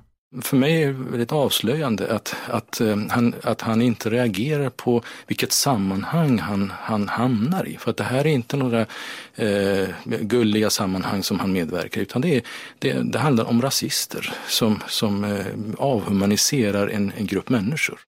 Och i samma program ställde programledare Hedvig Weibull följande fråga till Lars Vilks. Men hade du åkt och underhållit nazistpartiet 1932? Ja, det beror på vad det är för sorts nazistparti. Alltså det... Ja, men i Tyskland. Hade du gjort det då? Alltså, på mina... Hela denna händelse gav dock Pamela Geller rätt när hon själva inledningsanförandet till konferensen hade sagt så här. We are working at a very extreme disadvantage because the media Uh, many who are in the room who won't report on this, I'll, I'll add, unless somebody says something wrong, then it'll be on the front page. The media is at war with the, with the people. It's interesting to me that they need freedom of speech more than anyone else. But they side. They're, they're siding with the very people that will eventually be their executioners. Det bildades i Sverige alltså väldigt många åsikter om USAs islamkritiska rörelse. Vad som emellertid inte gjordes, vare sig vid Spencers besök på Almedalsveckan, på besöket i Stockholm eller på SVTs besök i New York, var att låta Spencer för en gångs skull få föra sin egen talan. I slutet av augusti ringde jag dock upp honom för att prata om hans islamkritik, hans syn på extremism, hans besök i Sverige och naturligtvis också lite amerikansk politik inför det då uppkommande presidentvalet. Här är det samtalet. Welcome Robert to our podcast. Thank you. Thank you for having me on. Uh, since most people here in Sweden doesn't know much about you, I'm a little bit curious about your background. So first of all, how did you get your interest for Islam? Uh, my family is from the Islamic world. My grandparents uh, used to tell me stories when I was uh, very young about life over there, and I was fascinated by it, fascinated by their own story, and wanted to know more about what had happened and uh, how it is that they had come to America. And so that led me straight into uh, first investigating the history of the area and the culture of the area, and then ultimately to uh, studying Islam as uh, as it happened that they were uh, exiled from the Ottoman Empire for declining to convert to Islam. And so I wanted to know uh, how it was that that had happened and how common that was and so on. And uh, that led me to studying first the Quran and then more Islamic texts after that. Uh, you know, in modern liberal left-wing academic circles, it is very popular to say that all religions are equally good. Uh, but you don't believe that, and you have written a book named The Religion of Peace, Why Christianity is and Why Islam isn't. Uh, can you shortly describe why you believe that? Are there really that many differences between Christianity and Islam? Yes, there are huge differences. Uh, when the uh, core texts and teachings of both religions are examined carefully and objectively, one will see that uh, the Islamic jihadists who can be found around the world are uh, acting in accord with teachings of Islam that enjoin violence and uh, hatred and uh, supremacism and subjugation of unbelievers. Whereas when people committed violence historically in the name of Christianity, it was done in defiance of the teachings of Christianity, which enjoin uh, mercy, peace, forgiveness, and tolerance. The uh, uh, fact also that Christianity's that violence in the name of Christianity is largely a thing of the past, whereas there are violent Islamic groups around the world today, is uh, not an accident of uh, uh, or a coincidence. It's a matter of uh, the nature of the core teachings of both religions. Very interesting. Uh, you know, many left-wing academics usually tries to distort that point. Uh, Sweden's highest-ranking expert on Islam is Professor Jan Järpe from Lund University, and he was asked on radio why Muhammad seemed to have been so violent, and he started to talk about the Pope Urban II and said like, uh, if you wanted some real violent rhetoric, you should look at him. But isn't that just a way to avoid a comparison be between Jesus and Muhammad? Yeah, it's kind of ridiculous. Uh, the Pope has violent rhetoric. There are Islamic imams who are praying, who have prayed this past week for Allah to destroy all the Jews and all the Americans and not to leave a single one alive on earth. Uh, when has the Pope ever said anything remotely comparable to that? I, I, totally agree with you. Uh, one more thing on the same subject. Here, here in Sweden, Muslims are starting to ask for separated swimming pools for men and women. And those who defend this usually say that in Sweden 50 years ago, that was also how we did things. But is that really the same thing? It's not the same thing at all because the uh, the fact is that segregated swimming pools were indeed uh, something that one would have found in the West, but at the same time, one could also find numerous integrated ones. And you know, it's not hard to go back. You know, people have no historical memory nowadays, but uh, you can find photographs of uh, men and women mingling freely on beaches in the early part of the 20th century. And so the idea that uh, there was something remotely comparable to Sharia law in Sweden or in the West in general uh, up until a few decades ago is a distortion of the historical record. And also, of course, Islamic. Uh, the Islamic call for separate facilities for men and women when it comes to this is part of a larger system of subjugation and dehumanization, devaluation of women that is uh, far different from the principles by which there were uh, greater societal controls of that kind in the West uh, 50 or 100 years ago. Very interesting. Uh, at your blog, jihadwatch.org, you give many examples of how violence in the name of Islam is back backed up by Islamic theology. Uh, could you give some concrete examples of this? Certainly. Uh, Islamic imams routinely quote, for example, uh, chapter 9, verse 5 of the Quran, which is uh, slay the unbelievers wherever you find them, which is also found in chapter 4, verse 89, and chapter 2, verse 191 there are uh, there's also a call in chapter 9 verse 29 of the Quran to uh, wage war against Jews and Christians uh, until they convert to Islam or submit to Islamic rule. Actually, the conversion to Islam is not mentioned in that verse, but the submission is. And and, uh, uh, and militant Islam source today, do they talk about these verses? Yes, they quote these verses and they explain that, uh, as a matter of fact, there have been Egyptian authorities recently who have said that uh, the Coptic Christians are going to have to pay the jizya, the tax that is specified in chapter 9 verse 29 for uh, the the non-Muslims in Islamic society, a tax from which the Muslims are exempt from paying. And so the idea that these verses are ignored or are relics of history is simply not the case. Uh, they are something that uh, are used to recruit and motivate nowadays uh, Islamic jihadists and Islamic supremacists.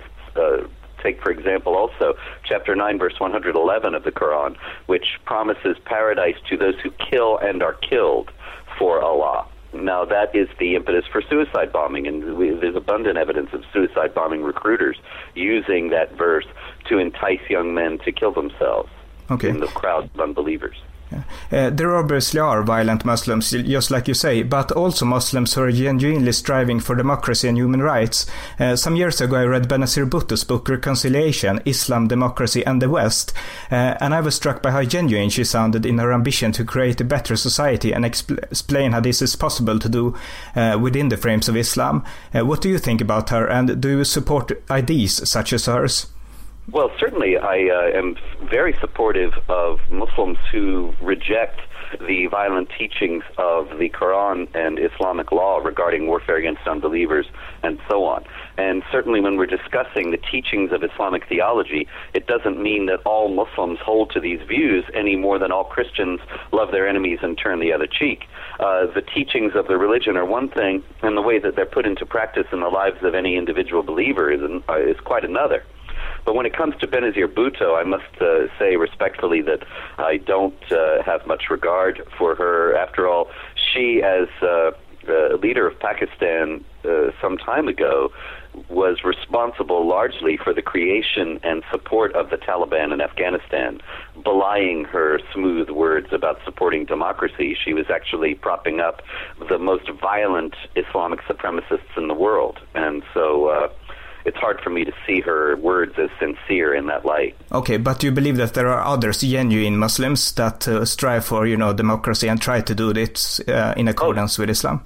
Certainly, the you know the. Uh, uh, the, as I say, the religion is one thing, the teachings of the religion is one thing, and the way that it's put into practice in any individual Muslim's life is quite another. And of course, there are uh, many Muslims who uh, see what Islam teaches and reject it accordingly. Uh, I've worked with, we as a matter of fact had a conference in uh, California okay. of uh, uh, ex Muslims who are under threat from Islam's death penalty for apostasy. And uh, those people, of course, deserve all the support that they can possibly be given by the human rights community. And uh, uh, they're largely ignored because of political correctness and because of fear. Uh, but uh, there are also people who are uh, still identifying themselves as Muslims who consider that uh, the the the teachings of Islam need reform, and those who are sincere in saying these things very much deserve our support and all the aid that we can give them. Yes. Uh, now here in Europe, we are very afraid of you know neo-Nazism and things like that. And often when the anti-jihadist movement comes up for discussion, journalists talks, starts to talk about neo-Nazism. And you have made very clear that you oppose European neo-fascist parties. Uh, could you tell something about which European parties you oppose and how you look upon the unfortunate fact that some anti-jihadist parties and organizations here in Europe sometimes tilts towards racism, neo-Nazism, and fascism? Well, you know, the situation is so different in Europe and in America. Uh, for example, uh, some open white supremacist neo Nazis in America, uh, the Aryan nations, yes. are open in their support for Islamic Jihad. Okay. And uh, it has to be recalled that Hitler himself counted as an ally Haj Amin al Husseini, the Mufti of Jerusalem. And uh, al Husseini actually lived in Berlin during the war and made broadcasts for the Nazis in Arabic to the Arabic world, trying to encourage support for Nazism. He also uh, recruited an SS division among Muslims in Bosnia. And so the idea that to resist jihad is some sort of neo-Nazism is uh, is is ridiculous. Uh, actually, the Nazis, both historically and today, are on the side of the jihad and uh, consider that it's all uh, uh, an allied movement. Now, in Europe, uh, there are some groups. I can name, for example, the British National Party in England, uh, and uh, others like that that make uh, some sort of uh, uh, make a, a, a stand at being make some sort of public pronouncements about being against jihad and against Islamic supremacism, but at the same time are race based in their approach and are anti-Semitic and uh, any anybody who opposes jihad cannot possibly oppose Israel and be anti-Semitic in any genuine sense. And of course, the jihad and Islamic supremacism; these things are not really racial issues at all. Although the mainstream media constantly presents them as such. Uh, and so, uh, parties that are race-based and parties that are anti-Semitic uh, will never and can never have my support or the support of any genuine counter-jihadist. Uh, now about your last visit here in Sweden. The 4th of August, you in company of your friend Pamela Geller and representatives for country-jihadist organization here in Europe uh, held a demonstration in, in, Stockholm, which was called the first global demonstration against global jihad. Uh, why did you choose Stockholm? Uh, we chose Stockholm because we wanted to uh, have a location that our European allies and friends and associate uh, people could could come to with relative ease. It was also in commemoration of the attempted jihad attack by uh, a, an Islamic jihadist there uh, two years ago. We held it on the anniversary of that. And so uh, that was one of the main reasons why we chose Stockholm because that anniversary was available and something that we wanted to note. Here in our Swedish media, your manifestation was quickly labeled as right-wing extremist, and one example comes from our newspaper Dagens Nyheter, Daily News, uh, where they interviewed Anna Sofia Quenzel from the anti-racist left-wing organization Expo, who said this about you. It is from this environment Anders Bering Breivik found a lot of his opinions. Robert Spencer, who is one of Stop Islamizations of Nations front figures, is quoted over 150 times in Breivik's manifesto. Uh, this is a guilt by associations characterization I assume you are quite used to by now. So do you have any comments for uh, descriptions like this one?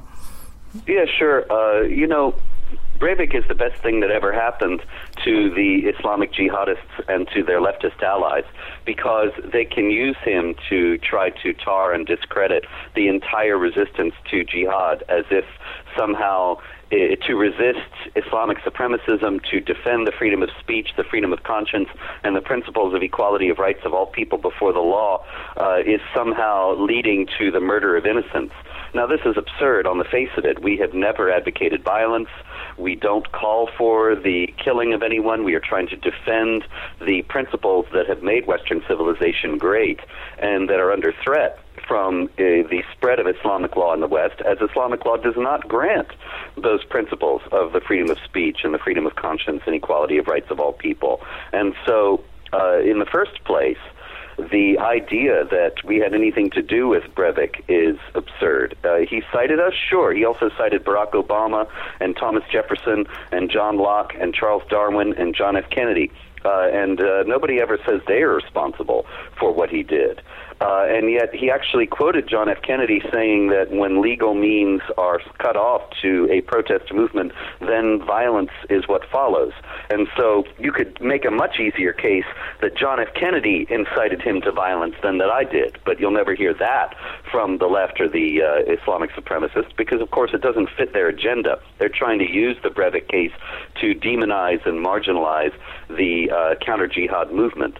In reality, uh, we are no more responsible for this madman quoting us than uh, Charles than the Beatles are responsible for Charles Manson. Charles Manson, of course, murdered a number of people or had a number of people murdered uh, after he uh, heard the Beatles' White Album, and he thought that the Beatles were talking to him on the album and telling him to go and kill. Now, this was absurd, of course. The Beatles songs don't have any messages about going and killing in uh, in them, and uh, Manson was crazy, and Breivik is no less crazy. We have nothing to do with uh, what he did. Just because he cites us doesn't incur in us any responsibility. If it were actually true, as the leftist media would like to claim, that. Uh, uh, they they try to give the impression when they say Breivik cited Spencer so many times and so on that in my writings I'm saying go and kill Muslims or something of that kind. And if that were true, then certainly we'd be responsible for these killings. But since there's nothing in our writings that he could legitimately or coherently or cogently or logically have used to uh, justify what he did, then it's just uh, it, it's it's the kind of thing that uh, it makes it clear that what is happening when they blame us for Breivik is in, uh, is in service of their political agenda, but it doesn't have any reality at all. Uh, another discourse that the left-wing academics here in Sweden is occupied with right now, uh, and especially after Breivik's horrible deed, is to claim that the anti-jihadist movement today have many similarities with the anti-Semitism in Germany in the 30s, and that the hate against Jews from that era now is changed towards hate against Muslims. Uh, yeah. What do you have to say about that? You obviously already no, answered no, it, but... No point. Uh, but in reality, the uh, anti-Semitism in Europe in the run-up to the uh, Holocaust was entirely fantastical. It was not based on any reality.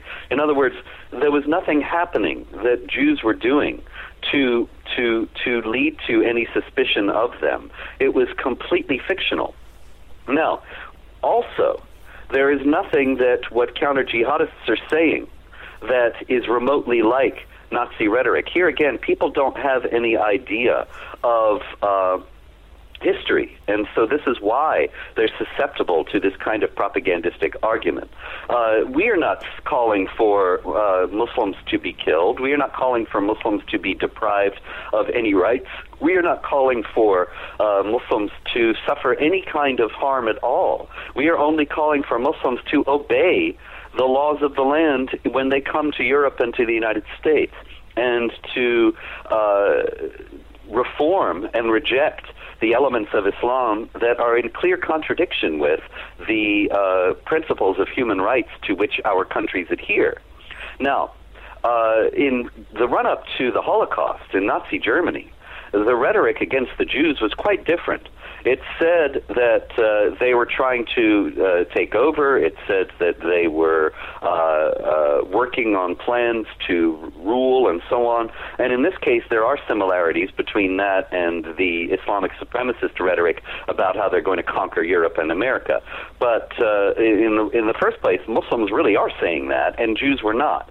Also, the uh, Nazi rhetoric was all about how the Jews had to be deprived of their rights and even had to be killed. Hitler had spoken quite openly about his intentions to annihilate. That was one of his favorite words, the Jews.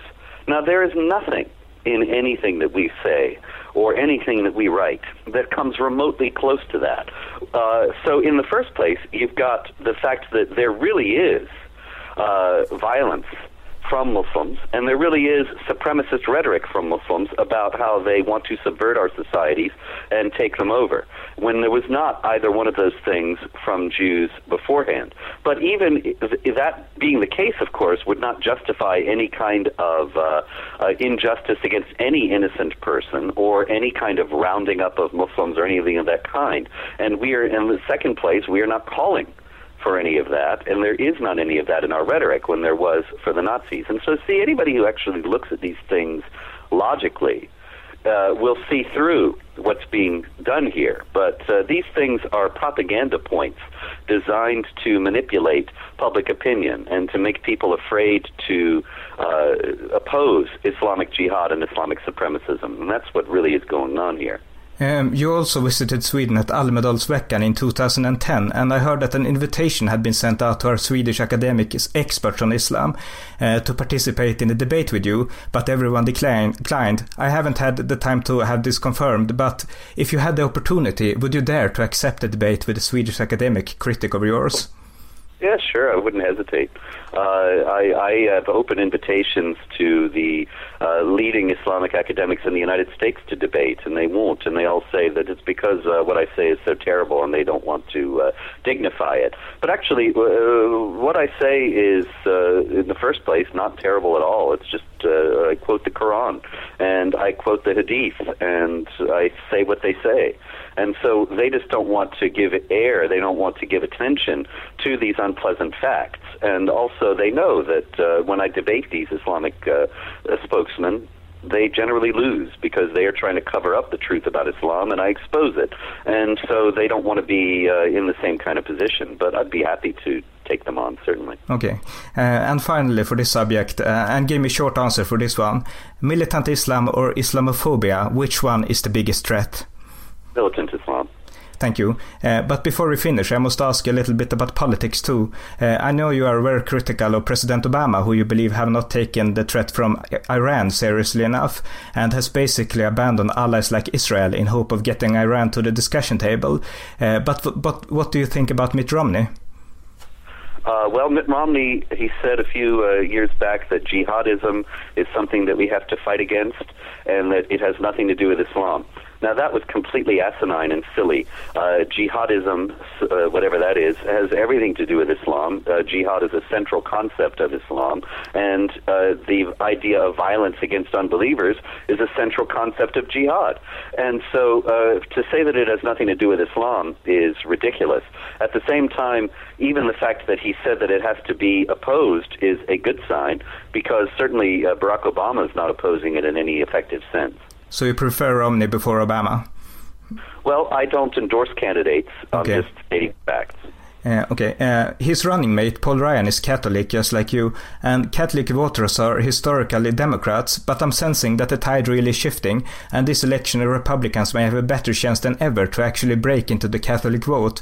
Do you have any thoughts about that? Well, certainly uh, Obama's action uh, trying to force the Catholic Church to uh, change its position and to uh, change what it considers to be the law of God uh, in order to be able to continue to get, uh, in order to uh, avoid the restrictions that are based that are in his health care program. That's anger a lot of Catholics, yes. and they uh, they are, uh, I think, determined to oppose him in a way that they might not have been otherwise. Do you think Romney and Ryan will win the election? I don't know. I actually kind of think that Obama will, but maybe I'll be uh, surprised. Okay. And finally, have you ever considered running for political office yourself? Never.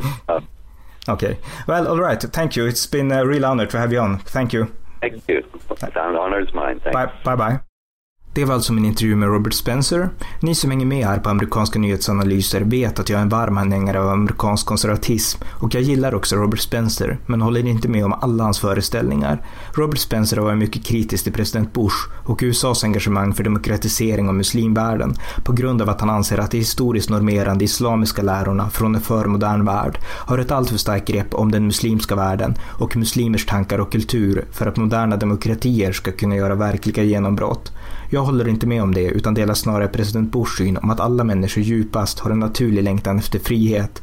En längtan som om vissa omständigheter bara ger en möjlighet till utlopp övervinner allt, inklusive dogmatiska och förtryckande doktriner. Något jag tycker tydligt går att se i hela den muslimska världen. Från flickor i Afghanistan som inget hellre vill än att gå i skolan, till ungdomar i Irak som älskar västerländsk rockmusik, till otaliga demonstranter och rörelser runt om i hela den muslimska världen som önskar religiös och politisk yttrandefrihet. Och även om jag anser att dessa värderingar är framväxta i väst så tror jag samtidigt att detta också går att forma även inom ramarna för islam, något jag inte minst anser att Benazir Bhutto är ett utmärkt exempel på. Med det sagt finns det mycket annat där jag håller med Robert Spencer. I likhet med honom anser jag att militant islam är ett verkligt hot som måste tas på allvar och där utgör han, Pamela Geller och deras konservativa amerikanska vänner en mycket viktig röst som på ett genuint sätt försöker ta sig an ett svårt ämne i en mycket svår tid där de samtidigt gör allt vad de kan för att inte stigmatisera enskilda muslimer. Det är islamkritiker och amerikaner med all den bombastiska retorik och amerikanska karisma som tillhör vardagen i amerikansk opinionsbildning. Men det är ingen islamofobisk hatrörelse så som det framställs här i Sverige. Du som lyssnar måste dock själv bedöma den saken och jag hoppas att den här podden kan få bli ett steg på vägen. Då har vi alltså kommit fram till slutet av den här podden där ni har fått lyssna till mina samtal med Mattias Gardell och Robert Spencer. Som framgått så delar jag flera av Spencers och Gardells resonemang eftersom jag anser att Gardell brister i sina analyser av USAs konservativa islamkritiker som helt enkelt inte passar in i den mörka bild Gardell målar upp av muslimhatande nyfascister. Jag anser också att Gardell, likt många andra europeiska forskare, utgår för mycket från forskningen om högerextremism och nynazism, vilket gör deras analyser av kontrajihadismen missvisande. Men jag har trots det stor respekt för Mattias Gardell, inte minst för att han tackade ja till att låta oss intervjuas, trots att han visste att jag var kritisk till många av hans resonemang. Gardell gör också genom sin forskning, som ofta äger rum på extremismens religiösa och politiska fronter, en verklig samhällstjänst för att i tidigt skede kunna upptäcka och förebygga rasistiska tendenser. Jag är själv av indisk härkomst och född i Calcutta. Därtill är jag 33 och växte således upp under 1990-talet, förvisso i ett småstadspräglat Norrland mest influerat av radikala vänsterrörelser, och den nynazism under årtiondet bredde ut sig märktes inte av här. Likväl minns jag högstadiet på tidigt 90-tal, när Bombriaco blev senaste mode och Ultima Thule spelades i skolkafeterian, och vid ett tillfälle fick jag också en fejkat hotlapp från nynazistorganisationen VAM, Vitt ariskt motstånd. Rasismen här uppe var dock av mest vardaglig karaktär i form av småskolemobbing, ungdomligt fyllesnack och tanter som kunde säga “och hem till Afrika”. Och till listan kan också läggas rasprofilerande, integritetskränkande poliser. Men även sådana saker var väldigt ovanliga. På andra håll i landet märktes dock främlingsfientligheten påtagligare och engagemang mot sådant är förstås alltid lovvärt och alla, inklusive Sveriges alla muslimer, förtjänar naturligtvis till fullo vårt samhälles medmänskliga respekt. Häromåret stod jag på en busshållplats i Malmö och var osäker på vilken linje jag skulle ta. Bredvid mig stod en afrikansk kvinna klädd i hijab av den mer åtsittande sorten. Rent spontant frågade jag henne om hon visste vilken linje jag skulle åka. Hon, som dessförinnan sett ganska bister ut, brast upp i ett stort varmt leende och visste exakt vilken buss jag skulle ta. Jag vet förstås inte den fulla orsaken till varför hon blev så glad. Däremot vet jag att de flesta inte reagerar så som hon gjorde. Och känslan som kom över mig när jag satt på den där rätta bussen hon hjälpte mig att hitta var att något väldigt lite faktiskt kunde betyda väldigt mycket och hur lite som kan krävas för att bryta till synes stora barriärer. Viktigt för alla som idag på ett legitimt sätt vill kalla sig islamkritiker är förstås att alltid vara självrannsakande och att verkligen förstå vikten av att skilja på sak och person. Men för att återvända till frågan om hoten från islamofobi och militant islam så anser jag att hotet från militant islam är det allvarligaste eftersom militant sinnade muslimer på många håll i världen faktiskt använder sin tro för att legitimera våld. Det är oavsett om det sedan tar sig uttryck i grumma dödsstraff, i dödsstraff mot avfällingar eller i terrorattentat mot väst och dödshot och mord på yttrandefrihetskämpande konstnärer. Inom våra egna länder anser jag också att det finns en problematisk icke-demokratisk muslimsk föreställningsvärld. 2007 besökte jag en muslimsk bönelokal i Mellansverige och fikade efteråt med tre muslimer, varav två av dessa var etniska svenskar som frivilligt konverterat till islam och som bland annat hade gjort Umra, det vill säga den lilla pilgrimsfärden till Mekka. De berättade att de inte lyssnade på musik och inte skakade kvinnor i hand och efterhand kom vi också in på lite mer brännande ämnen och jag frågade försiktigt hur de betraktade de saker man ofta som svensk icke-muslim på ett måhända för fördomsfullt och okunnigt sätt förknippar med vissa delar av islam, som till exempel stening av äktenskapsbrytare och dödsstraff för avfällingar. Där började då sin sida förklara, också det på ett försiktigt sätt, hur det som muslimer ju faktiskt trodde på Gud. Och gör man det och även tror på Koranen och Muhammed som profet, så får det också vissa konsekvenser. Så ja, de trodde på dessa straff, men var också snabba med att betona att de inte menade att sådana straff kunde tillämpas i Sverige, eftersom sådana straff bara kunde utdelas inom en islamisk stat. Jag ställde då frågan om de ansåg att Sverige borde bli en islamisk stat och fick svaret att ja, det ansåg det, även om de inte ansåg att det låg nära förestående. Min naturliga följdfråga blev då om det kunde ge något exempel på en idag existerande, i deras tycke bra islamisk stat. Någon perfekt sådan existerade inte, men det fanns en stat som åtminstone kom så hyfsat nära man faktiskt kunde komma. Saudiarabien. De här personerna var schyssta killar, det var inga terrorister eller gängmedlemmar, utan trevliga ansvarstagande svenska medborgare. Men det hade en föreställningsvärld som likväl långsiktigt måste betraktas som problematisk och som ur ett historiskt perspektiv tills ganska nyligen inte var en del av den svenska samhällsbilden. USAs konservativa islamkritiker har i mitt tycke inte rätt i allt, men de har rätt i att västvärlden måste stå upp för sina historiska värderingar om alla människors lika värde, yttrandefrihet och religionsfrihet, och det i synnerhet nu, när det finns element inom islam som går stick i stäv med detta. Robert Spencer, Pamela Geller och andra har på senare tid också fått allt fler kopplingar till just vårt land, och jag tänkte avsluta denna podd med en nu några år gammal text skriven om just Sverige. Den islamiska invandringen till Sverige kan också komma att leda till nya konflikter inom det svenska samhället. Enligt svensk uppfattning råder religionsfrihet i Sverige, men den uppfattningen bygger på en privat syn på religionen.